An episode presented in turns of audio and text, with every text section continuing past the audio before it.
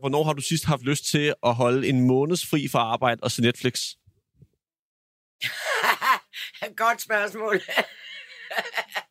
jeg ved slet ikke, om jeg ville gide at se Netflix i en hel måned. Hvorfor ikke? Nej, jeg kan ikke se mig selv sidde ned i en måned og se fjernsyn. Hvornår har du sidst haft lyst til ikke at gå på arbejde i en måned? Åh jo, det kunne jeg sagtens få lyst til. Altså, hvis jeg fik min løn, øh, og så... Og jeg kunne sagtens, jeg maler en gang imellem, jeg strikker, jeg syger, jeg, jeg kunne sagtens finde på noget at lave. Hvad fraholder dig fra at gøre det i morgen, for eksempel? Pengene? Ja, der er lige de der dage, du ved, om sommeren eller foråret, hvor solen skinner, og det hele er fantastisk udenfor. Så kan man da godt synes, åh, det var i dag, jeg skulle have en fridag, ikke? Men, øh, men det har aldrig fået mig til at blive væk fra arbejdet. Hvornår har du sidst haft lyst til at øh, holde en måneds ferie og bare se Netflix? Hver dag. Hvorfor gør du det så ikke bare? Det er der er der ikke penge til. Samfundet kræver jo arbejde. Kan din arbejdsgiver ikke betale dig? Jeg er min egen arbejdsgiver, så det kan jeg ikke, nej. Øh, en hel måned? En hel måned? Bare lave ingenting? Tja, nok i november eller sådan noget, tror jeg. Gjorde du det så? Nej, Hvorfor ikke? for at tjene penge. Men hvad hvis man bare hellere vil holde fri? Så tjener du ikke penge. Hvorfor ikke? Er der ikke øh, kan din chef ikke forstå det? Nej, altså, du bliver, der bliver nødt til at være noget gang i det. Hvis du ikke arbejder, kan du ikke få penge. Og men han skal vel også holde en måneds fri for at se Netflix en gang imellem. Det kan godt være, at han gør det. Sådan lød det, da vores øh, reporter Tobias Juhl, han var på gaden for at spørge øh, folk om, hvorfor de ikke bare holder fri, hvis de nu gerne vil holde fri. Havde han mødt Pia Olsen Dyr på den tur, så havde hun nok kunne sige til ham, at ved du hvad, det gør jeg jo også. Fordi hun tog en hel måned ud af kalenderen, da hun ikke lige gad at skulle på arbejde, og fik set en masse Netflix og gået nogle dejlige ture med hendes hund. Det siger hun i en sidebemærkning i et interview i Politiken. Og ellers så lavede hun absolut ingenting. Og øh, han ville jo rigtig gerne have spurgt Pia Olsen Dyr. Det vil vi faktisk alle sammen her på en uafhængig morgen, men øh, det er desværre ikke lykkedes os at få hende i tale omkring den her, den her lille udtalelse. Og øh, det er jo bare en skam. Godmorgen, Nikolaj. Undskyld. Og godmorgen, Christian Henriksen. Ja. Og godmorgen til jer, der øh, sidder med derude og allerede skriver nu. Martin Schalk, Jakob Lund og Kirsten Dorte Albæk skriver alle sammen godmorgen. Dejligt. Godmorgen til jer. Vidste Mews nye direktør, at Armin Kavusi var på kant med loven? Tidligere på måneden kunne vi på Frihedsbrevet afsløre, at tech-kometen og daværende direktør for Mew, Armin Kavusi, havde løjet om en række selvproklamerende titler og henviste kunder, der imidlertid ikke kunne genkende selskabet. Og derfra så gik det så ellers øh, ned ad bakke dagen efter, at artiklen udkom, trak Kavusi sig som direktør, og kort efter blev børsnoteringen, der var planlagt til den 16. marts, skrottet. Og i denne uge blev virksomheden så erklæret konkurs i Sø- og Handelsretten. Peter Funk, direktør for tech-virksomheden Mew. Godmorgen. Ja, godmorgen til jer. Hvad er din forklaring på, at, øh, øh, at det gik, øh, som det gik, at Mew på knap en måned gik fra en børsnotering til konkurs? Jamen, øh, man kan sige, at øh, hvis man kigger sådan, øh, sådan øh, jeg beklager min stemme, jeg, jeg øh, ligger med øh, influenza lige i øjeblikket.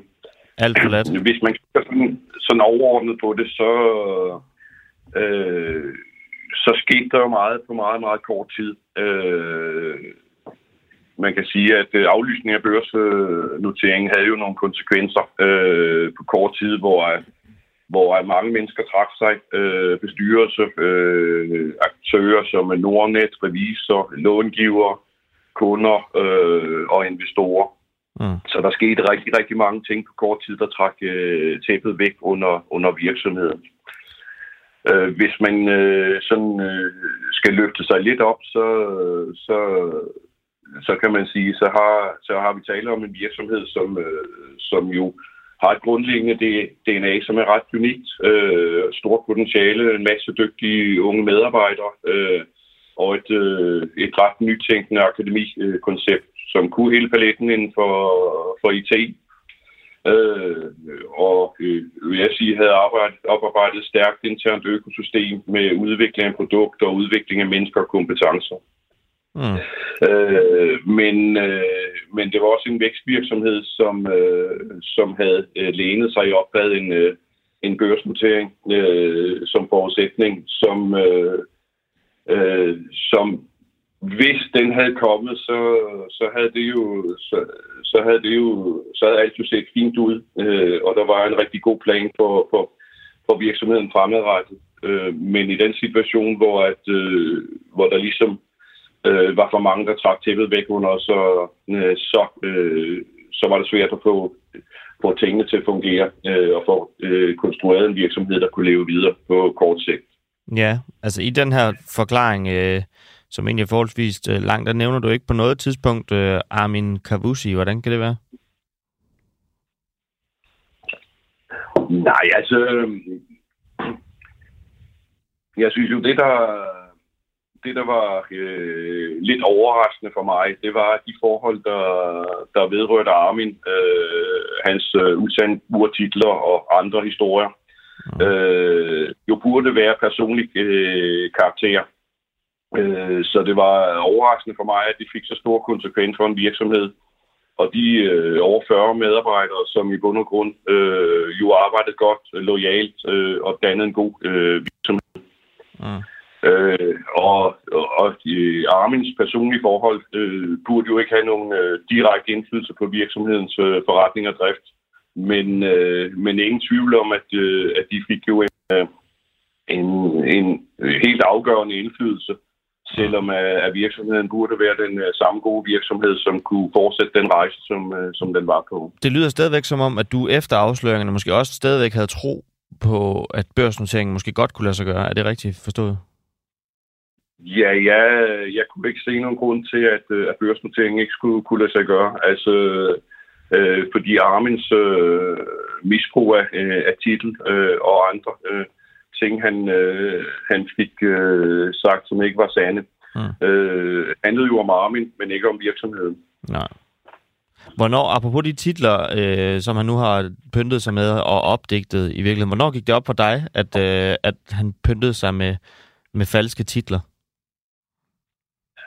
Øh, jamen altså, jeg, min historie er jo, at jeg er blevet, blevet ringet op af en bestyrelsesformand, øh, som fortalte mig, at, øh, at man havde et problem øh, med Armin, øh, og, øh, og, og spurgte mig, om jeg var øh, indstillet på at overtage øh, øh, posten som administrerende direktør, hvis man blev nødt til at, at, øh, at skifte Armin ud.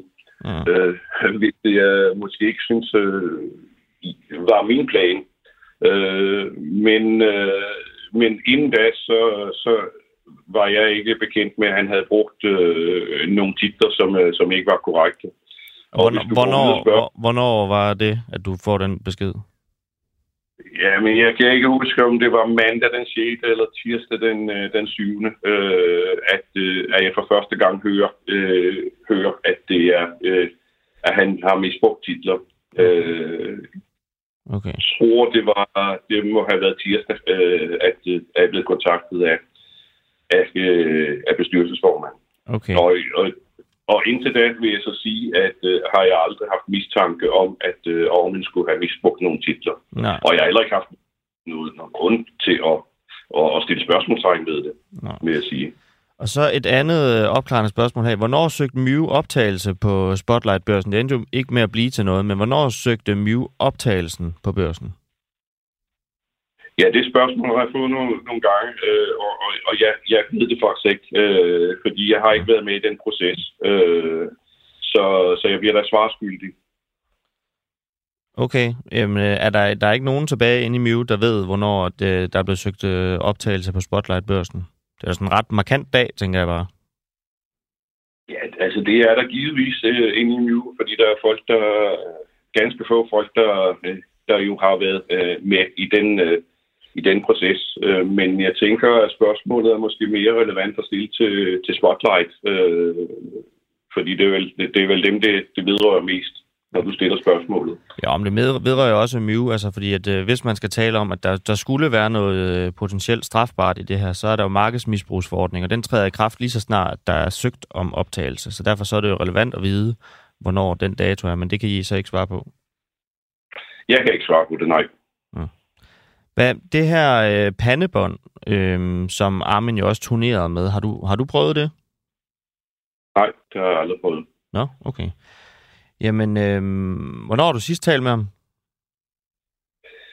Øh, jeg har talt med ham øh, for et par dage siden, øh, fordi øh, han sidder jo med, med en del viden, som, øh, som vi bruger i den her proces øh, i forhold til, til kurator. Så, så jeg øh, nødvendigvis taler med ham øh, øh, nogle gange stadigvæk. Okay. Okay. Øhm, lige i forhold til, øh, til det her spørgsmål med optagelsen på børsen, altså når du har været der siden september 22, har du så ikke på noget tidspunkt øh, altså forsøgt at, undersøge, hvornår har vi egentlig øh, ansøgt om at komme på børsen? Altså du, det er alligevel et stykke tid, du har nået at være der. Du har været senior vice, president i MIU siden september 2022.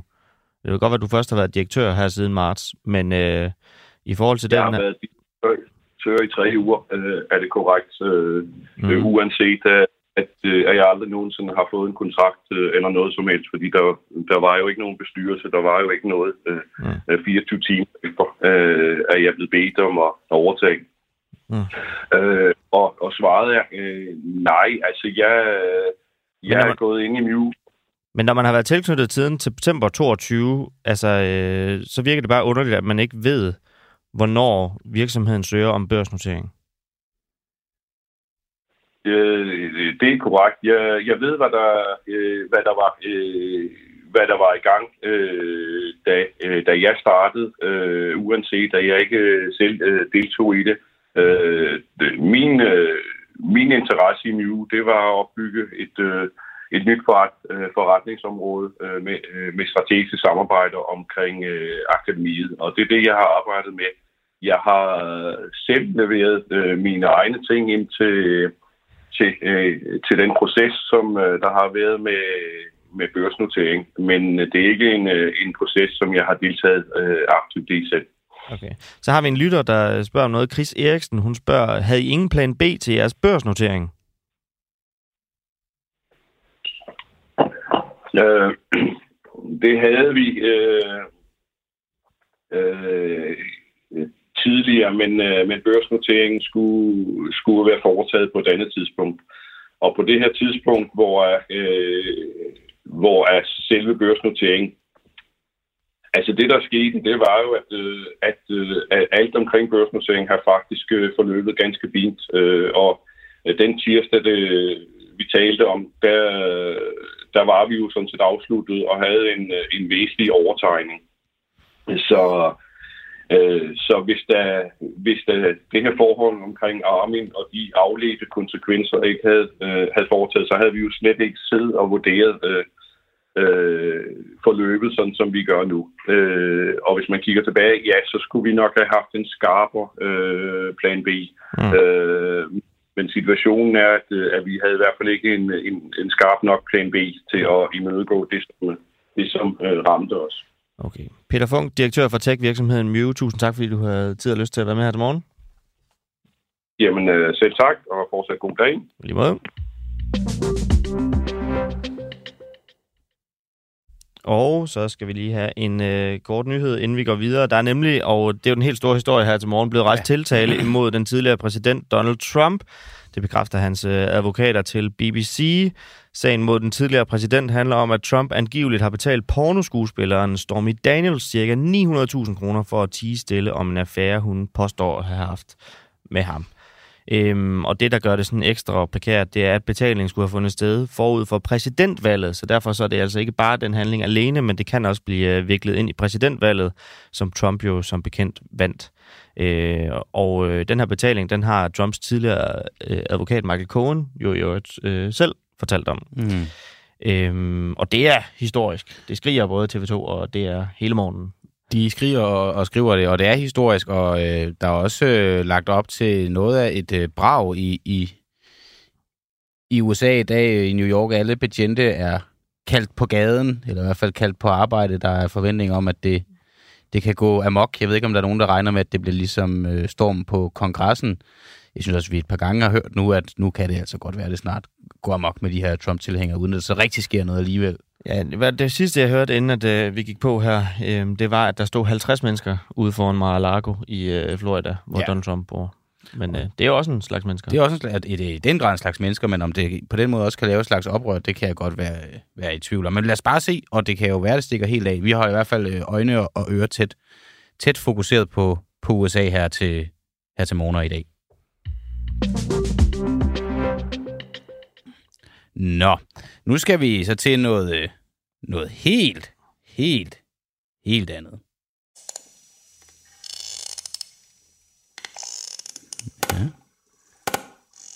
Det er ikke, øh, det er ikke et teknisk udfald, det her. Ja. ja, hvad tror I, det er?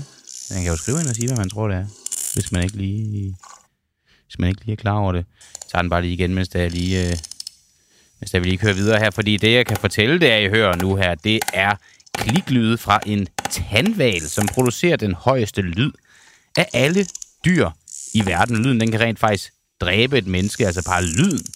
Og øh, I skal ikke være bange, øh, fordi den her lyd bliver I, bliver I ikke slået ihjel af. Nu har en dansk forsker efter mere end 10 års forskning fundet ud af, hvordan valerne laver de her høje lyder. Derfor så stiller vi spørgsmålet her til morgen, om dansk valforskning har ramt en helt massiv milepæl. Det er sådan lidt et fredagsindslag, og det er faktisk også det, vi også i, i sådan de, de, de, de, de gamle duadage øh, kaldt for et vidensindslag, fordi at det er vigtigt med øh, de kritiske indslag øh, bestemt, men jeg ved bare, at vores lyttere også hungrer efter at blive klogere på andre områder. Det er i hvert fald noget, vi har fået henvendelser på, at der var nogen, der savnede i den periode. Og så lever vi jo øh, endelig op til det og, og forsøger at lave noget her. Og jeg ved ikke om... Det er derfor, I får den her lyd nu. Om det, om det så er det her, I har manglet, det, det finder vi jo så ud af. Vi kan fortælle, grunden til, at vi sidder og, og træder lidt vand lige nu, det er fordi, at øh, den her professor og forsker bag projektet, han, han, han er på, og han er faktisk på lige nu. Peter Teilberg Madsen, professor og forsker ved Institut for Biologi. Godmorgen. Godmorgen. Hvad er det ved den her lyd, der har fået dig til at bruge 10 år på den? Jamen, det er en lyd, som valer laver. De laver to forskellige slags lyde. Den ene lyd, det er en meget kort, men ekstremt kraftig kliklyd, Mm. Som de kan bruge til at finde mad i det dybe ocean med. Og øh, det er de bedre til, end mennesker er øh, overhovedet. Så det vil sige, en kaskalotval for eksempel, den kan med den her meget kraftige lyd, så kan den så kan lokalisere dens byttedyr øh, ud til 500 meters afstand. Mm. Og de andre lyde, de bruger, dem bruger de til at koordinere deres øh, kommunikation og deres sociale interaktioner med. Og vi har været meget fascineret af, hvordan de kunne lave de her to forskellige lyde øh, til øh, to så vigtige funktioner hos de her meget, meget store rovdyr. Og hvad, hvad øhm, nu sidder vi jo og snakker om det her til morgen, og jeg ved et spørgsmål, som alle stiller, det er, hvorfor er, hvorfor er det vigtigt? Hvorfor er det godt, at I har øh, forsket i det her, og nu har fundet ud af noget, vi skal øh, dybere ind i lige om lidt. Men hvorfor er det, det er vigtigt, vi, vi taler om det her? Jamen, det er jo vigtigt at forstå, at øh, vi har nogle dyr ude til havs, som bruger lyd til at omsætte en biomasse, der er væsentligt større end det totale humane konsumfiskeri. Og det gør det ved hjælp af den her lydproduktion. Og når vi så er ude til havs, som øh, flittige brugere af skibe og sonar og olie efterforskning, producerer en masse støj, så har vi behov for at få forstået, i hvilket omfang dyrene kan skrue op og ned for deres lyde, så de kan kompensere for den støj, vi laver, og dermed blive ved med at finde mad, blive ved med at lave babyer, Mm. og i hvilket omfang de ikke kan. Og det er jo så hele grundlaget for, at vi kan øh, sætte nogle øh, retningslinjer op for, hvordan man fornuftigt regulerer den støjforurening, der er til havs. Og så ved jeg, at I har øh, arbejdet med nogle afskårende marsvinehoveder, og hvad har det arbejde bestået i? Jamen, øh, problemet er med valer, at de har den her meget komplicerede næse, som de bruger til at lave lyd med, og vi har ikke vidst, hvordan lyden er blevet lavet. Og for levende dyr, havpattedyr, altså valer, har vi øh, øh, kun i, i, i et eller andet omfang kunne øh, filme ned i næsen på dem. Vi har trænet dem til at åbne deres næse, mens de laver lydene. Men det har ikke tilladt, at vi har kunne øh, visualisere, hvordan de her såkaldt foniske læber bevæger sig i, i, øh, i tilstrækkelig opløsning. Og der har vi så været så heldige, at øh, der er nogle marsvin, der er døde i forbindelse med enten bifangst eller sygdom i Tyskland. Og de hoveder har vi så fået, og så har vi så haft mulighed for at øh, blæse luft igennem, mens vi har kunne filme dem øh, med nogle meget øh, hurtige kameraer, så vi har kunne se, hvordan de laver de her lyde.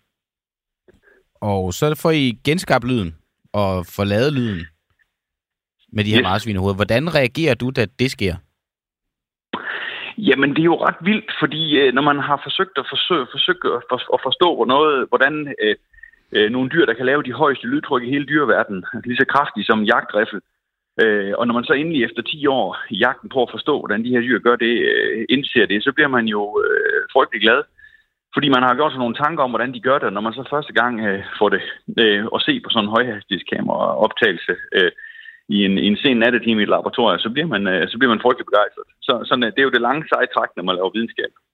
Der er en lytter, der hedder Tim øh, Olsen, der skriver ind og spørger, hvorfor skal vi styre havdyr? Vi skal bestemt heller ikke øh, styre havdyr, men øh, vi skal til gengæld øh, være bedre naboer med dem ud til havs, og for at kunne være det, så skal vi forstå, hvordan de bruger og laver lyd, og i hvilket omfang de øh, ikke kan kompensere for den støjforurening, de laver. Og i de øjeblikke, hvor vi ikke kan kompensere for den støjforurening, øh, og dyrene begynder at finde mindre mad, eller ikke kan skabe kontakt med hinanden, så mener jeg, at, at vi som øh, biologer og forskere skal øh, hjælpe med at få sat nogle retningslinjer op for, hvor meget støj vi må lave derude, så vi kan øh, sikre, at vi også har de her store, vigtige rovdyr om 100-200.000 år osv. Så det er faktisk i virkeligheden en eller anden form for øh, artssikring, øh, jeres forskning her har bidraget til. Jamen, det er jo en grundforskningsindblik i, hvordan nogle dyr laver noget lyd, der er fuldstændig kritisk for dem. Mm. Øh, og hvis vi ikke har den forståelse, så mener jeg heller ikke, at vi på et oplyst grundlag kan hjælpe øh, øh, de relevante øh, myndigheder og politikere med, at- med at træffe beslutninger om, i hvilket omfang af støjforurening skal begrænses. Øh, jeg har bare lige sådan to hurtige spørgsmål her hen imod slutningen. Det ene, det er, at jeg får sagt her i oplægget til det her, at den her lyd, den kan dræbe et menneske, og Ja, at valerne er kan høre andre valer fra den anden side af jorden. For det første, er det rigtigt, at den kan dræbe et menneske? Nej, nej, den kan ikke dræbe noget som helst med sin lyd, men den kan lave øh, en lyd, der er lige så kraftig som det, en, en, du kan måle foran en, en meget kraftig jagtriffel. Og det gør, at de kan høre ekoer ud på meget lang afstand, og dermed finde, øh, finde byttedyr i det, i det mørke ocean på lang afstand. Kan de høre hinanden fra den anden side af jorden? Det er tæt på. Hmm. Altså blåvaler, der kalder, øh, de øh, har, før vi begyndte at have støjende skibstrafik ud til havs, der er man ret sikker på, at de har kunne høre hinanden i hvert fald på 5.000 km afstand. Mm. Det er jo ikke hele hvor vejen Norden rundt, ikke på nogen måde, men det er alligevel på tværs af Atlanterhavet. Og, og den sådan nogle voldsomme kommunikationsafstande øh, spiller formodentlig en rolle i, at de her store dyr kan finde hinanden i, i paringssæsonen. Det vi Mm. så kan konstatere, det er, når der er skibstrafik, så, så falder de afstanden måske med en øh, faktor 10 eller en faktor 100, og vi har ikke forstået, hvad det faktisk øh, betyder for deres evne til at, at, at finde hinanden og formere sig. Alright. Øh, har du, øh, så, for det første tak, fordi du var med her. Jeg vil bare lige spørge dig, har du talt med P1 om det her? Øh, øh, I forskellige sammenhænge har jeg talt med en frygtelig masse medier, men jeg tror ikke, jeg har talt med Peter endnu. Nej. Det kan være, det kommer. Peter, tak fordi du var med her hos os, øh, først i hvert fald. Øh, og øh, Peter Teilberg Madsen hedder du, professor og forsker ved Institut for Biologi ved Aarhus Universitet. Øh, fornøjelse at have dig med her til morgen, og så må du have en god dag. Selv tak. I lige måde. Hmm. Og vi skal lige svinge forbi øh, noget, vi også behandlede i starten, nemlig SF-formand Pia Olsen Dyr, mm. øh, som kom med den her lidt opsigtsvækkende sidebemærkning i et øh, interview med Politiken. Øhm, og hvis vi nu lige skal være helt fuldstændig skarpe på, hvad det er, hun egentlig sagde, så kan vi jo citere hende for at have sagt, jeg har ikke sagt det andre steder, men jeg kunne mærke, at jeg har haft meget travlt i en meget lang periode.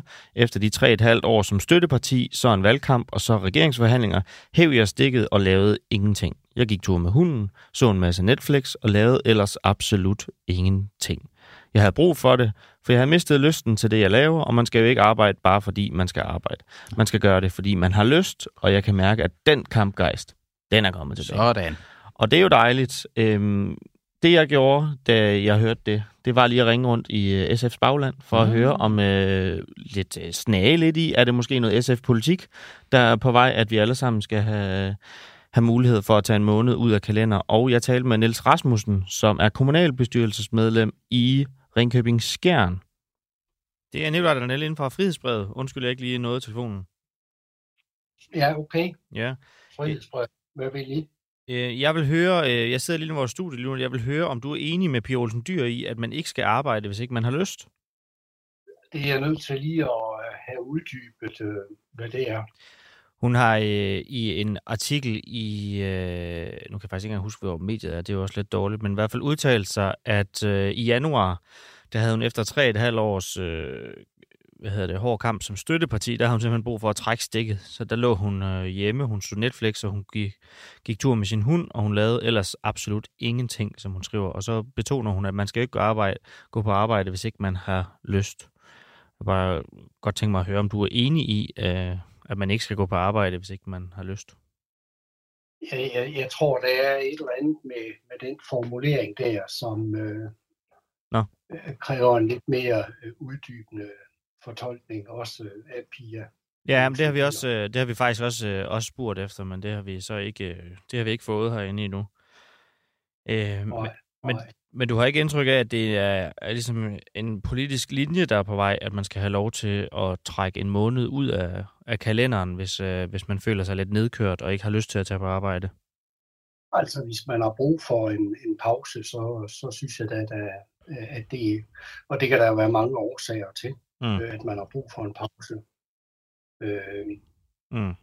så, så, så hvis det er det, men, men selvfølgelig skal vi jo alle sammen øh, øh, yde efter evne øh, for at bidrage til, til vores øh, samfund. Jeg tænker bare på, at hvis man nu har et almindeligt arbejde, som ikke er i, i Folketinget, og går ned og siger til sin murermester, eller tømmermester, eller leder på sygeplejegangen, eller et eller andet, ved hvad, den kommende måned, der trænger jeg skulle bare lige til at ligge med benene oppe, øh, og sende et flex, og ellers kunne gå tur med min hund. Altså, om det også skal være muligt for almindelige danskere at have Ja. den mulighed. Altså, det er, det er formuleringen i det. Øh, altså, jeg oplever, der er mange borgere, som er ekstremt øh, presset på deres, øh, deres øh, job i dag, fordi Mm. at de skal præstere og nå så meget. Ja. Og der tror jeg, at det vil være sundt for alle, øh, inklusive øh, arbejdsgiver, øh, at, øh, at øh, give øh, folk den frihed, så, så når de er på arbejde, så yder de, øh, så yder de maksimalt.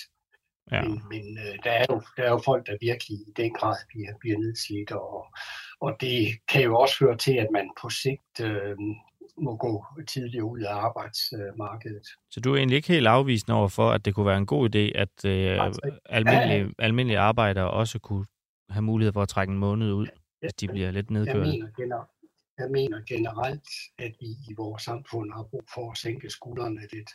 Mm. Øh, det hele det går ud på at skal præstere, præstere, præstere, øh, og mere og mere og mere.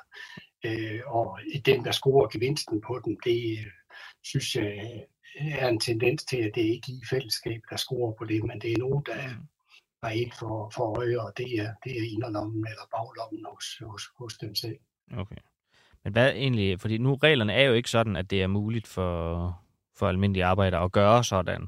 Altså har du nogen holdning til, hvad, hvad synes du egentlig om, at øh, nu Pia Olsen Dyr, som er formand for jeres parti, som får en klækkelig, et klækkeligt vederlag for at sidde i Folketinget, at hun på den måde har, har taget en måned ud af, af kalenderen, samtidig med, at hun har hævet fuld, fuld vederlag? Jamen, der, der, der, jeg synes, der skal, vi skal finde en eller anden måde, hvor vi kan give, øh, give borgere, øh, om de er folketingsmedlemmer, eller om de er jordbetonarbejdere, eller de øh, øh, sidder i et eller andet øh, firma, der skal, der skal øh, sælge så meget strøm som overhovedet muligt, og, og bliver stresset over det.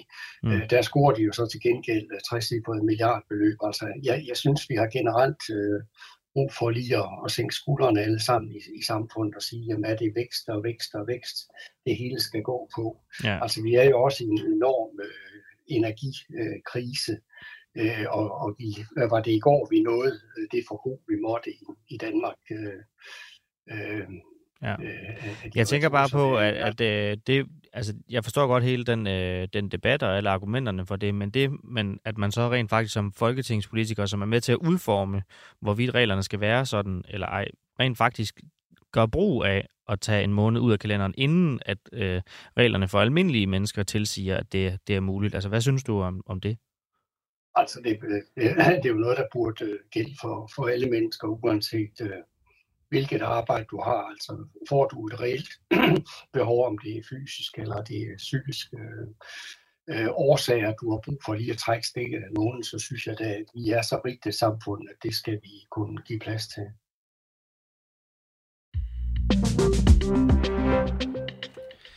Og nu er klokken om to sekunder, så er den halv.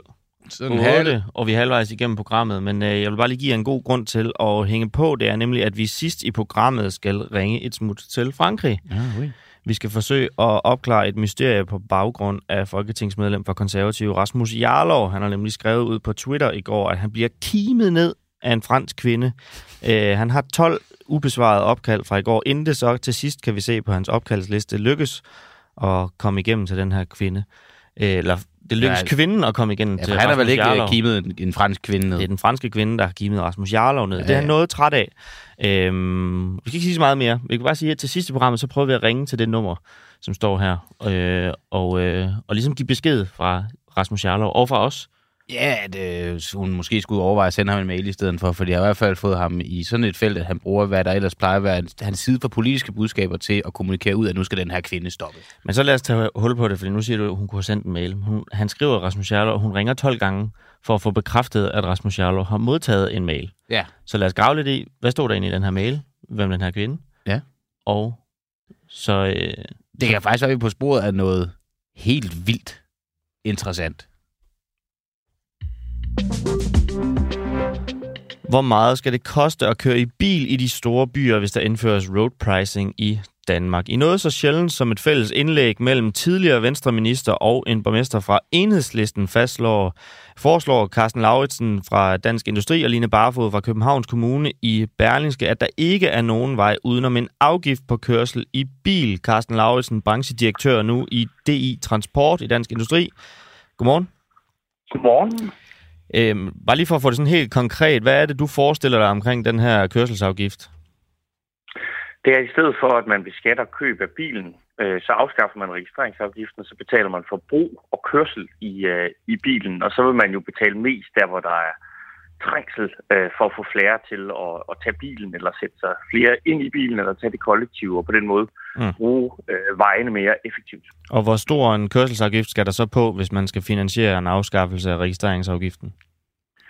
Jamen, det kommer jo an på, øh, det kommer an på rigtig mange øh, ting, hvor høj øh, kørselsafgiften kommer til at, at være per, per kørt kilometer. Mm. Øh, men vores forslag er, at man, øh, man omlægger det, der hedder provenyneutralt, og det er jo et, et øh, øh, hvad hedder det, øh, det betyder jo, at der skal de samme penge i statskassen, og når man laver en provenyneutral omlægning, så kan man jo sætte en høj takst for at køre, øh, samtidig med at man fjerner registreringsafgiften. Man kan også skrue på det hedder den grønne ejerafgift, eller på alle mulige andre øh, ting, hvor, øh, hvor vi beskatter det at at have bil. Øh.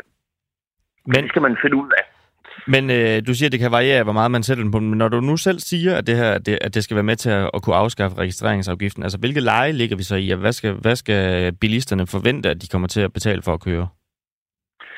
Jamen, øh, er jo rigt, altså, vi foreslår en, en omlægning af, af bilbeskatning, og bilbeskatningen består af øh, benzin- og dieselafgift øh, afgift i dag. Den består af en særlig afgift, du betaler på den lovpligtige forsikring.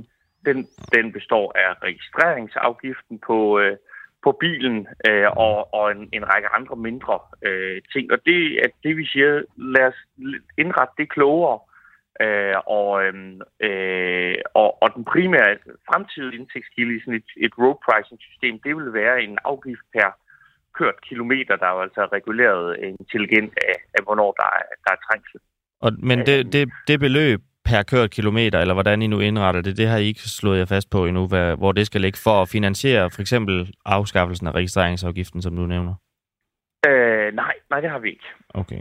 Øh, og jeg tror, det man skal se nu, det er jo et usædvanligt samarbejde øh, mellem, mm. mellem dansk industri og, øh, og, øh, og Københavns Rådhus. Der har vi nogle masser af samarbejde, men måske usædvanligt, at, at jeg er tidligere venstremand, og Line Barfod er Mm. enhedsliste teknikborgmester, men, men det handler egentlig mest om et oprør om at starte den her diskussion om, hvordan skal man indrette sådan et system, øh, hvad er fordele, hvad er ulemper, og hvordan kan vi gøre det smart, fordi hvis vi ikke gør det, så, øh, så øh, sander både København og andre store byer til i de mange flere biler, der kommer. Der kommer en halv million flere biler de næste syv år, øh, og i forvejen har vi 2,8 millioner biler i Danmark. Men hvordan, fordi nu siger du selv, at det er lidt opsigtsvækkende, at den tidligere venstremand, og må jeg gå ud fra, stadigvæk liberal, altså du har vel ikke helt glemt de øh, ideologier, du, øh, du stod for i de mange år i Venstre. Altså hvordan skal det her håndhæves? Nej, men altså, øhm, øh, jeg, jeg er stadig venstremand. Det er heller ikke nogen hemmelighed, at jeg stadigvæk er medlem af, af partiet, men jeg arbejder jo for, for transportens interesser, og når vi foreslår det her, mm. så har det faktisk været DI's politik siden 2009. Øh, og, øh, og det er fordi, hvis man, hvis man får lavet road pricing, så bliver der bedre plads til, Carsten til varerne. Lauritsen, og, øh, og det her med, hvordan det skal håndhæves, skal man køre ind af et betalingsanlæg, eller skal det være automatisk betaling via nummerpladescanner, eller skal der chips i bilerne, eller på vejen, eller hvordan skal man vide, hvem der kører hvor? Det kan man faktisk teknisk lave på flere forskellige måder. Hvad foreslår I? Jeg er ikke så, jeg er ikke så bekymret for, for, øh, for overvågningsdelen. De fleste bilister kører jo øvrigt rundt med sådan en, der er i hvert fald en halv million, der gør med sådan en øh, fartalarm, øh, der overvåger dem i hovedet og en vis øh, lemestil. Mm. Og jeg tror heller ikke, bilisterne er så bange for det længere. Så man kan lave det med, med GPS i bilerne, altså på telefonen, en app, du går ind i. Du kan også installere en boks i bilen, hvis man, hvis man ikke har nogen, øh, nogen mobiltelefon. Øh, og, øh, og så er der sådan et system, hvor der sideløbende kører en masse biler rundt. Øh, ikke mange, men altså en, en del, der har sådan nogle kameraer på, som så Men- registrerer de biler, de møder. Øh, og, og på den måde, så vil man se, at der er nogen, der ikke har betalt. Så får de så en, øh, en, øh, en bøde. Det system fungerer. Så bare for at være helt med, fordi nu nævner du jo fartalarmerne, men dem har folk jo så selv tilvalgt, hvis man ikke kunne tænke sig, at der er et fartalarmsfirma, som følger med i, hvad man vil. Men hvis det er en kørselsafgift bestemt af staten, så skal alle jo så have en GPS-tracker i sin bil eller en app på sin telefon. Det er det, den liberale Carsten Lauritsen her foreslår. Jamen, nu er det sådan, at, at det er ikke min ideologi, øh, der definerer, hvad øh, jeg arbejder for på, på min arbejdsplads. Nej. Øh, fordi jeg arbejder professionelt, og det er jo, der er rigtig mange mennesker, der arbejder i det private og i det offentlige, som stemmer på et parti og mener noget, mm. og må lægge det til side, når de går på arbejde. Så derfor ville det også være mærkeligt, hvis det var liberale Carsten, der, der bestemte, hvad dansk industri skulle mene. Det ville være uprofessionelt. Men, men, er, men er det ikke lidt øh, specielt egentlig altså, at, at, at stå og kæmpe for et forslag som det her? Altså, vi kan godt kalde det alle mulige ting, men det er jo statslig overvågning over alt, hvor man kører. Hvis der kommer en boks i ens bil eller en app i ens telefon, som man er tvunget til at have, sådan at staten kan holde øje med, hvor man kører hen. Jeg tror, min, min, øh, min holdning øh, øh, til overvågningsspørgsmålet i min tid som politiker øh, har været, at der er ikke noget i vejen med øh, overvågning, hvis man har regler for, hvad overvågning må bruges til, og man kan få indsigt i, hvad den bruges til. Det, der er farligt ved overvågning, det er, hvis, hvis der ikke er regler for det, hvis man afleverer sine oplysninger til TikTok eller et amerikansk tech-firma, Mm. Øh, men hvis man har øh, regler fastsat af Folketinget for, øh, hvad overvåger vi, øh, hvordan sikrer vi, det ikke bliver misbrugt, hvad må det blive brugt til, øh, så er der ikke noget i vejen med øh, at registrere øh, folk i et moderne samfund, hvor teknologi spiller en afgørende rolle. Problemet er, når de ikke er reguleret. Mm. Okay, men så, altså, der kan man jo bare allerede se nu med MitID og NemID, der har været enormt store læk på de her øh, app-løsninger i forvejen. Altså, øh, at gå ud og foreslå en, øh, en løsning som det her, det er vel øh, altså på en måde risikabelt for de borgere, som I foreslår, der skal have installeret overvågningsbokse i deres biler eller overvågningsapp på deres telefoner. Altså, jeg, jeg tror på, at man kan komme finde en, en god løsning, eller så god løsning som overhovedet muligt, øh, Mm. på det her, hvis man går i gang med at, at drøfte og diskutere det politisk, øh, politisk nu. Øh, og derfor har vi foreslået, at man skulle nedsætte et udvalg og, og komme i gang. Men det er jo rigtigt, at der er overvågning. Det, det, det er jo rigtigt, men vi lever jo i et samfund, hvor teknologien gør det muligt at overvåge os i et langt øh, andet omfang, end vi boede i stenalderen. Og det kan man jo godt sætte sig ned øh, som liberal og lukke øjnene for. Eller så kan man prøve at sige, okay, hvordan kan man styre og regulere den overvågning? Og, og, og styre og regulere noget, det, det kan vi, hvis, hvis man politisk vil. Også et, øh, et øh, GPS-baseret road pricing system. Du nævnte før, Carsten, at alle de her tekniske løsninger, de, øh, de, øh, der, der var mange muligheder, og der var mange ting, der øh, fungerer. Kan du prøve at nævne øh, et sted, hvor at en af de her muligheder fungerer? Ja, for eksempel i, i Holland og i Belgien har man øh, øh, hvad hedder det, teknologi til, øh, til road pricing, og det er den teknologi, man øh, har købt i Danmark til at lave den her nye kilometerafgift for lastbiler, mm. som vi i øvrigt i Dansk Industri ikke er, er for, fordi den er ikke intelligent. Det er bare en, en flad afgift på at sætte sig ind i en lastbil. Men der er det det samme system, en GPS-tracker i bilen, og så er det nogle biler, der kører rundt med, med kameraer og ligesom kontrollerer, har folk betalt afgiften, og ellers registreret i nummerpladerne, så får folk en, stor bøde. Så, så, så teknologien findes, og det er også det, der er det mm. nye Mm. fra road pricing-diskussionen i tidligere år, det, det er, at, at nu er den faktisk blevet udviklet, nu kan det teknisk lade sig gøre. Så er der selvfølgelig alle mulige andre problemer, privacy, øh, hvad skal, hvem skal betale hvad, og alt muligt andet, men det kan man løse, hvis man vil. Og hvor lang tid fra I beslutter jer for, at det skal implementeres til, at det er implementeret hos alle og i alle biler i, i København? Hvor lang tid skal der må der gå? Det er jeg simpelthen ikke øh, kvalificeret til at, at kunne svare på, og min erfaring siger mig også fra min tid som skatteminister, at man skal være meget vaksom med, med øh, at, sætte, øh, at sætte dato på de ting. Det må der være nogle IT-folk, der giver et kvalificeret bud på, og så skal man nok lægge noget buffer ind, for det kommer til at tage længere. Må der godt gå Men- men det 5, tager- 10, 5 år? Må der godt gå det? Øh, Hvis det er, ja, I forhold til ja, klimaet, tror- så skal det vel gå så hurtigt som muligt, men I, Ja, du altså, tager ikke jeg, nogen... tror, jeg, er tilhænger, jeg er tilhænger af, at, at det nogle gange går langsomt, øh, for at man får gjort det rigtigt, men det forudsætter så også, at man kommer tidligt i gang med en politisk diskussion. Øh, og det er jo ikke, der er jo ikke politik i, øh, altså hvor lang tid det må gå. Det må tage den tid, det, det tager. Øh, men, men, øh, men, Så der er ikke nogen men deadline der på? er store, der, er- nej, der er store samfundsøkonomiske øh, positive effekter i at, og, øh, og, øh, og indføre det, ikke? Altså fordi vi har trængsel, der fylder over 30 milliarder. Vi taber 30 milliarder som samfund ved at folk holder i kø i dag, ikke? Og det bliver kun værd. Okay, Carsten Lausen, branchedirektør i Dansk Industri Transport, og altså øh, nu her også øh, på, en, øh, på sin vis partner med enhedslistens øh, Line Barfod. Tusind tak, fordi at du havde tid og lyst til at være med her til morgen. Selv, selv tak. Hej. hej. Hvornår har du sidst haft lyst til at holde en måneds øh, fri fra arbejde og bare se Netflix? Nu. Hvad fraholder dig fra at gøre det? Penge. Men skal man ikke også have lyst til at gå på arbejde? Man skal ikke bare gå på arbejde, fordi man skal gå på arbejde. Ja, når man er travlt, så kan man godt bruge en pause en gang imellem, ikke? Det forstår din chef ikke, eller? Jo, jo, men altså, jeg er travlt, sådan er det jo. Det tror jeg var i går. Gjorde du det så? Kan jeg jo ikke. Hvorfor ikke? Jamen, Det er fordi, jeg har et arbejde, jeg skal passe. Jo, men man skal jo ikke bare arbejde for arbejde. Man skal også have lyst til at gå på arbejde. Jeg har også lyst til at gå på arbejde. Jeg tror bare lige nu, så er der mange ting i livet. Det med at få skole og studiejob og venner og være ung og alt muligt til at gå op i en højere enhed, være politisk aktiv og, og sådan. Der er mange ting. Det har jeg haft lyst til mange gange. Hvornår har du sidst haft det? Øh, for en måned siden. Hvorfor gjorde du det så ikke bare? Det er fordi, altså, man skal også tjene penge jo. Jamen, man skal også lige have lidt lyst til at gå på arbejde, jo. Øh, ja, det er rigtigt. Men nu har vi så ferie næste uge jo. Men hvad med at forlænge den ferie? Hvorfor ikke tage tre uger mere, for eksempel? For ligesom lige at finde helt glæden til at gå, til arbejde, gå på arbejde tilbage igen. For det gør vi først, når vi skal til at holde sommerferie. Så tager vi tre ugers ferie med det samme. Hvad vil din arbejdsgiver tænke, hvis du sagde, at jeg, jeg har lige brug for at holde en måneds øh, ferie ud over sommerferie og alle de andre ferier? Så tror jeg, jeg får fyrsiden. Har du lyst til at gå på arbejde hver eneste dag, siden du gør det? Ja. ja, jeg elsker min arbejde. Det er sjovt. Det er sådan næsten en hobby. Ja. Så skal vi videre med vores hobby mm. slash arbejde. Får vi et bedre samfund, hvis institutionsbørn lærer, at der også findes homoseksuelle? Okay. Bogen, bogen Normkritik i pædagogisk praksis er en del af pensum på to pædagoguddannelser. I bogen der står der blandt andet, at pædagoger øh, kan ændre i eventyr som for eksempel Tornerose, så det i stedet for at være en prins, der kysser prinsessen, er en prins, der kysser en anden prins. Og på den måde kan børnene jo så lære om homoseksualitet. Jakob Grak, pædagog, kant med i pædagogik og lektor ved pædagoguddannelsen på Københavns Professionshøjskole. Du har været med til at redigere den her bog. Hvorfor kan det være en god idé, og godmorgen?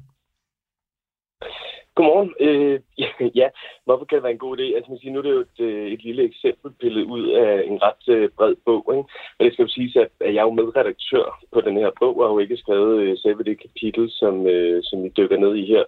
Men man kan sige, grundlæggende noget af det, som, som den her bog kigger på, det er jo det her med at prøve at kigge på børns øh, deltagelsesmuligheder. Og man kan sige, noget af det, der, der, der er kernen af det her med deltagelsesmuligheder, det er jo repræsentation. Altså det her med, at børn kan genkende sig selv i forskellige roller, kan genkende det, de selv er ud af.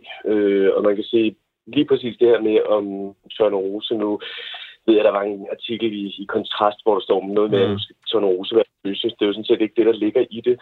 Det, der, øh, det, der ligger i det, det er jo, en, man siger, taget ud af en sammenhæng, hvor der over en halvanden tids penge bliver lavet en analyse af det her med, hvordan kønsroller egentlig udspiller sig i klassiske eventyr. Øh, så bliver der givet et eksempel fra en helt konkret institution, der har netop har prøvet det, som I, I snakker om her med at, at bytte ud i et af de klassiske eventyr.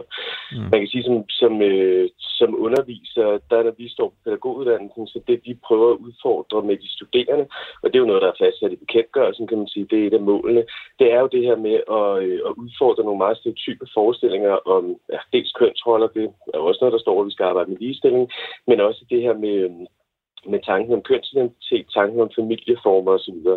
Og, og jeg tænker jo, det er jo en, fantastisk ting at bruge det klassiske eventyr, fordi alle genkender nogle af hovedtrækkene i eventyrene. Man kan så diskutere, om man skal ændre i lige præcis de her øh, meget, meget kendte Tornerose, Snevide, de her store eventyr. Men jeg synes jo i hvert fald, at noget af det der pointen i kapitlet og, og rundt om, om den her fortælling om, om selve Tornerose, det er jo det her med at udfordre, øh, hvad skal man sige, de ja, de stereotype normer for femininitet og maskulinitet. Altså, vi har jo et hav af studier, der viser, at øh, tillægsordene for, for kvinder, også i almindelig fiktion, går meget på det passive. Altså det med skønheden og likability. Mm. Øh, kvinder skal være dem, der ser ud og så videre. Mænd er de handlende, de handlekraftige, der er styrke og mod, og de, de aktive og så videre. Man kan sige, der er en eller anden form for, for generel birolle og hovedrolle for, øh, for henholdsvis øh, drenge og piger, mænd og kvinder. Ikke? Så med den her sådan ordstrøm, så mm. det jeg egentlig prøver at sige, det er, at der er jo ikke nogen, der fortæller institutioner, at nu må de ikke længere øh, læse det klassiske eventyr om Rose. Men mm. der er jo nogen, der udfordrer nogle af de, hvad skal man sige, normer, der ligger i det, hvis vi udelukkende arbejder med, med kønsrollerne i de klassiske eventyr.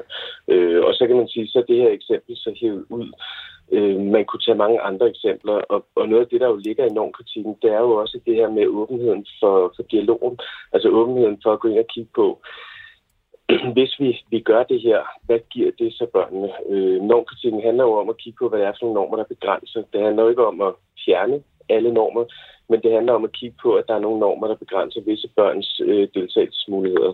Og så kan man sige, hvis vi fortæller de klassiske eventyr, så fortæller vi en bestemt fortælling om, hvad der forventes af en prinsesse og en prins.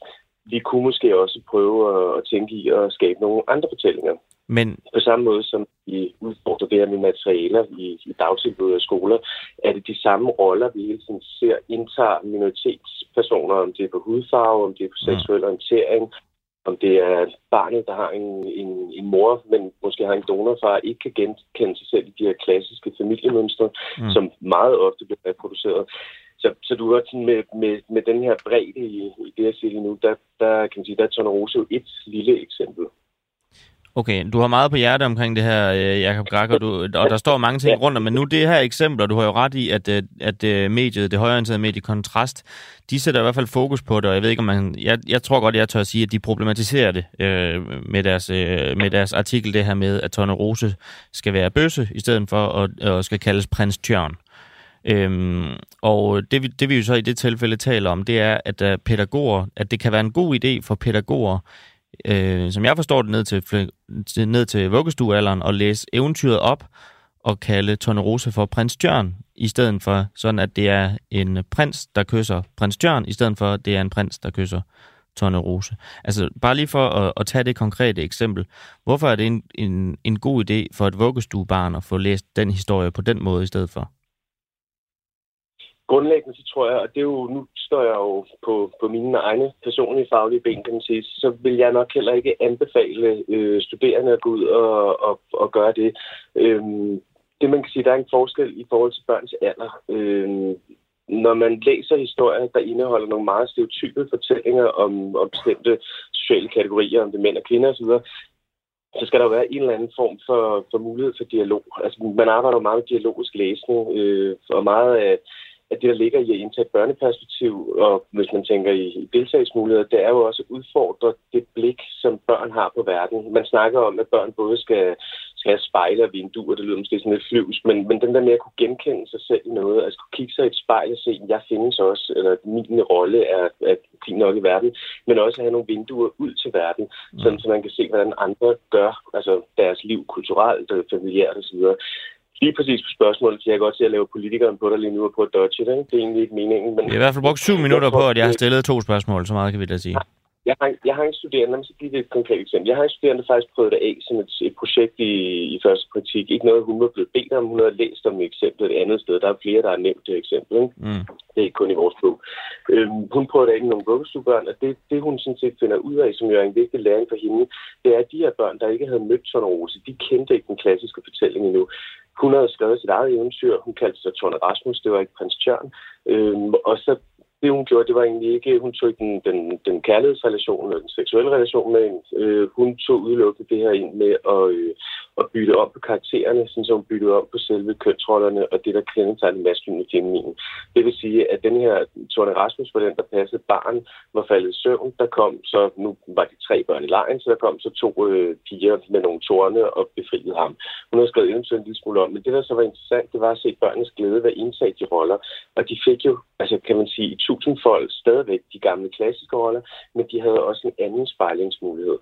Det man kan sige, der er med, med, med den her prins Tjørn-fortælling, der kan, man, der kan man jo gå ind og kigge på, er det lige præcis et eventyr, som børnene kender. Hvis de er store nok, så vil min umiddelbare faglige vurdering være, at så vil de nok mere reagere ved at grine af det, fordi de ved jo godt, at Tone Rose er en kvinde og møder en mand.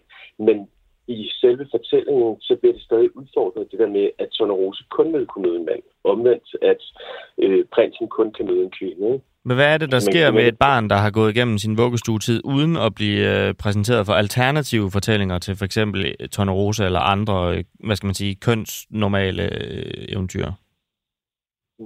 Altså man kan sige, nu, nu er der jo ikke nogen børn, der kun møder det klassiske eventyr, men hvis man sådan bredt over sådan en bred kamp kigger på, på kulturprodukter for børn... Er, er det, må, må bare lige slå fast i det, du siger, der er ikke nogen børn, der kun møder det klassiske eventyr. Jeg tror sgu ikke, at min datter er blevet præsenteret... Altså ikke fordi, at jeg har bedt om, at det skal hun ikke, men jeg tror da ikke, hun... Altså hendes pædagoger tror jeg ikke læser alternative versioner op i hendes vuggestue. Nej, det, prøv at sige, at, nej, nej, det er jo et eventyr, kan man sige. Men børn møder jo andet altså, end de klassiske eventyr. Der er også andre fortællinger. Der bliver læst øh, øh jeg Martin Strid, eller der bliver læst alt muligt andet i, i børnehaver også, hvor at repræsentationen er jo andet i dag, end den, den var for, for 20 år siden. Men det, vi ligesom giver børn, det er jo fordi, at, at børn skal have vide, nu skal du være homoseksuel, eller skal tage stilling til deres seksualitet i, i en ung alder, altså sådan en dagtilbudsalder. Det, kender jeg i hvert fald ikke nogen, der, der anbefaler, at børn selv skal tage stilling til det. Det er jo noget, der, der går frem med børnene selv. Men det her, som jeg sagde med spejlene og vinduerne, det gælder jo på, på alle øh, kategorier. Det her med, at selvom vi er i en institution, hvor, hvor der måske ikke går et eneste barn med, med etnisk minoritetsbaggrund, så er det stadig vigtigt at vide noget om, at samfundet er mangfoldigt, og der vil være ting, man kommer til at møde. Det her med at kunne sætte sig ind i andres måder at, at se på verden på, det er jo noget af det, der gør, at vi på en eller anden måde får en respekt for andres måde at leve på os. Hvis vi ikke kender noget til det, så vil vi reagere med undren. Mange mennesker reagerer, fordi de ikke kender med frygt. Det kender vi i hvert fald meget for voksne, men det sker jo også for børn. Og meget af det, som er et enormt kritisk projekt, det er jo sådan set bare et redskab til at hvad skal man sige, opnå det, vi i forvejen arbejder med. Hvis man rent faktisk arbejder anerkendende og inkluderende og arbejder for børns trivsel, så vil der også ligge en eller anden grad enormt kritisk øh, element i det. Vi har, vi har et par lytter, øh, Jakob, der skriver to forskellige ting ind. Vi har Anders Viborg, der først skriver ja tak til det tiltag i arbejdet med, bjør, med børn. Det ville have kostet mig øh, en masse negative konsekvenser og følelser, manglende selvværd med mere godt øh, tiltag. Og så har vi René Bigum, som har et spørgsmål. Han øh, skriver, bare lige for at forstå det rigtigt. Øh, han ønsker, henviser han til dig, at nedbryde sociale strukturer og normer i fiktive fortællinger, som er flere hundrede år gamle, for at afstemme, hvad der forventes af fantasikarakterer. Altså noget, som voksne og især børn har efterspurgt i årtier. Dertil kan man jo spørge, hvorfor han mener at have ret til at politisere mit barns opdragelse. Altså det ikke at sige, at det ikke er en politisk placering. Øh, det ligger jo fastsat i bekendtgørelsen, altså står i den BO til læreplanen, at børn skal have mulighed for en alsidig personlig udvikling. Men vi går ikke ind og- detaljstyrer. Der er jo ikke nogen ude i institutionerne, der får at vide, at de skal lave om på Tornerose-eventyret. Det var også det, jeg prøvede at sige i starten, at det er jo taget ud af konteksten, forstået på den måde, at der bliver givet et eksempel i bogen på, hvordan en institution har gjort det. Og hvis jeg lyder lidt vægelsindet på det der med, hvad jeg selv vil gøre, så er det fordi, jeg har jo respekt for, at folk prøver forskellige ting af. Pædagoger har jo heldigvis, kan man sige, stadigvæk en vis grad af, af metodefrihed. Og jeg tænker ikke, at der er nogen som helst, der skal tage René's barns Tornerose-fortælling fra dem. Altså Tornerose-eventyret vil jo stadig være det, der er mejslet i sten. Det man kan sige, det er ved at gøre sådan noget som for eksempel eksempel med prins Tjørn, eller det jeg lagde op til før, at man for eksempel udvikler nogle eventyr, altså bruger rammen for eventyret til at vise, at man også kan gøre nogle andre ting, som mand og kvinde osv. Altså det tager jo ikke Tornerose-fortællingen væk fra børn. Jeg kan ikke forestille mig et samfund, eller jeg kan ikke forestille mig, at nogen af dem, jeg snakker sammen med om køn, der vil anbefale, at man, øh, at man forbød et Tornerosa-eventyr. Det er jo ikke det, det handler om. Det handler om at udvide en fortælling, for at flere børn kan genkende sig selv. Og så ligger, altså den primære opdragelse, den ligger jo altså stadigvæk i, i privaten. Så forældre kan jo med deres indflydelse læse, hvad de vil, gøre, hvad de vil, øh, opfordre deres børn til at lytte mere eller mindre til forskellige fortællinger. Men i og med, at pædagoger jo er ansat af staten, og staten har nogle, nogle mål for, hvad der skal ske i, i institutionerne, så tænker jeg stadig, når vi er et, et samfund som det danske, der hylder den her demokratiske tankegang, mangfoldigheden, øh, chancelighed, som der jo står mange steder, så, så er der også øh, et vigtigt opgave for pædagoger i at ture og udfordre netop de normer, der begrænser. Og nogle gange er det også ved at være det, vi kalder øh, være enormt kreative. Det vil sige være kreative, når vi skal vise børn, at forskellige mennesker har forskellige normer for deres liv, forskellige måder at leve på. Jeg tror ikke, at vi når et sted hen, og det tænker jeg heller ikke, vi skal ligesom med kvoter i bestyrelse. Det er en evig diskussion. Man kan ikke sætte procentsats på, hvor mange fortællinger skal afspejle denne her seksualitet. Hvor mange fortællinger afspejle noget andet. Altså, det er ligesom ikke der, vi er. Jakob øh, Grak, pædagog, øh, kendt med i pædagogik og lektor ved pædagoguddannelsen på Københavns Professionshøjskole. Tak fordi du var med her til morgen, og så må du have en god dag. Der er noget teknik her, der Nå, skal et eller andet. nå, jamen, så lad os... Så kom lige op. Så, Beklager. Nå, det gør ikke noget, men du må have en... Jeg var bare ved at sige farvel og tak øh, for nu, fordi nu er vores Ja. tid gået, men, men så må du have en god dag. Jamen, lige måde, og tak, fordi I måtte være med. Og weekend også. Og hvis man nu øh, sidder med, med Tonne Rose derhjemme, og man skal finde på et, øh, et øh, drengenavn til Tonne øh, Rose, så øh, kunne vi jo herfra bare anbefale, at man kunne kalde øh, hende for øh, Flemming. Nå. Så skal vi øh, have et øh, mysterie opklaret. Ja, vi skal hjælpe den gode Rasmus Jarlov. Han skriver frustreret i går aftes på øh, Twitter. Hvorfor er det, at folk kan finde på at ringe for at spørge, om deres mail er nået frem? Det virker så dumt. Hvor tit er det, at e-mails ikke når frem? Det synes jeg i virkeligheden, bare lige indskudt bemærkende, er et godt spørgsmål. Øh, og så 12 gange fra en e-mail, hun havde sendt om morgenen samme dag. Suk. Og så kan man altså se hans opkaldsliste. Der er et nummer fra Frankrig, som har forsøgt ham 12 gange alene mellem 9 og 10 mm om morgenen. Og vi ved jo, at Rasmus Jarlov, øh, da der var alt det her med arbejdspres i forbindelse med Jakob øh, Ellemanns sygemelding, skrev ud med otte gode råd til at, at øh, undgå det som politiker. Der skrev han jo blandt andet, at han deltager ikke i ting om morgenen. Nej. Så man skal altså ikke ringe til Rasmus Jarlov. Slet ikke 12 gange Nej. Om morgenen. Det det han har jo fået ham øh, så voldsomt øh, til, ja. til tasterne, at han skriver der, hvor han ellers plejer at skrive sine politiske budskaber og gode råd øh, til at bekæmpe stress. Ja. Skal vi ringe til den her franske kvinde og, vi og fortælle det. hende, hvad hun gør ved Rasmus? Lad os give det et skud. Vi ringer. What the fuck? Hvorfor siger det sådan? Det er opkaldelse. Hallo? Hello? Who Yes? This is Nikolaj Dandanel and Christian Henriksen calling from the Danish radio station in Uafhængig Morgen. An independent morning. Good morning. Good morning. We can see that you have called Mr. Rasmus Jarlov 12 times yesterday uh, to see if one of your emails has reached him. Can you uh, describe to us what was in the email that was so important? You are on the radio Uh, right now. Important because it was about um, because first uh, the line rang busy, so uh, and the communication Mm. didn't uh, didn't work properly. Okay. Hmm. from my home.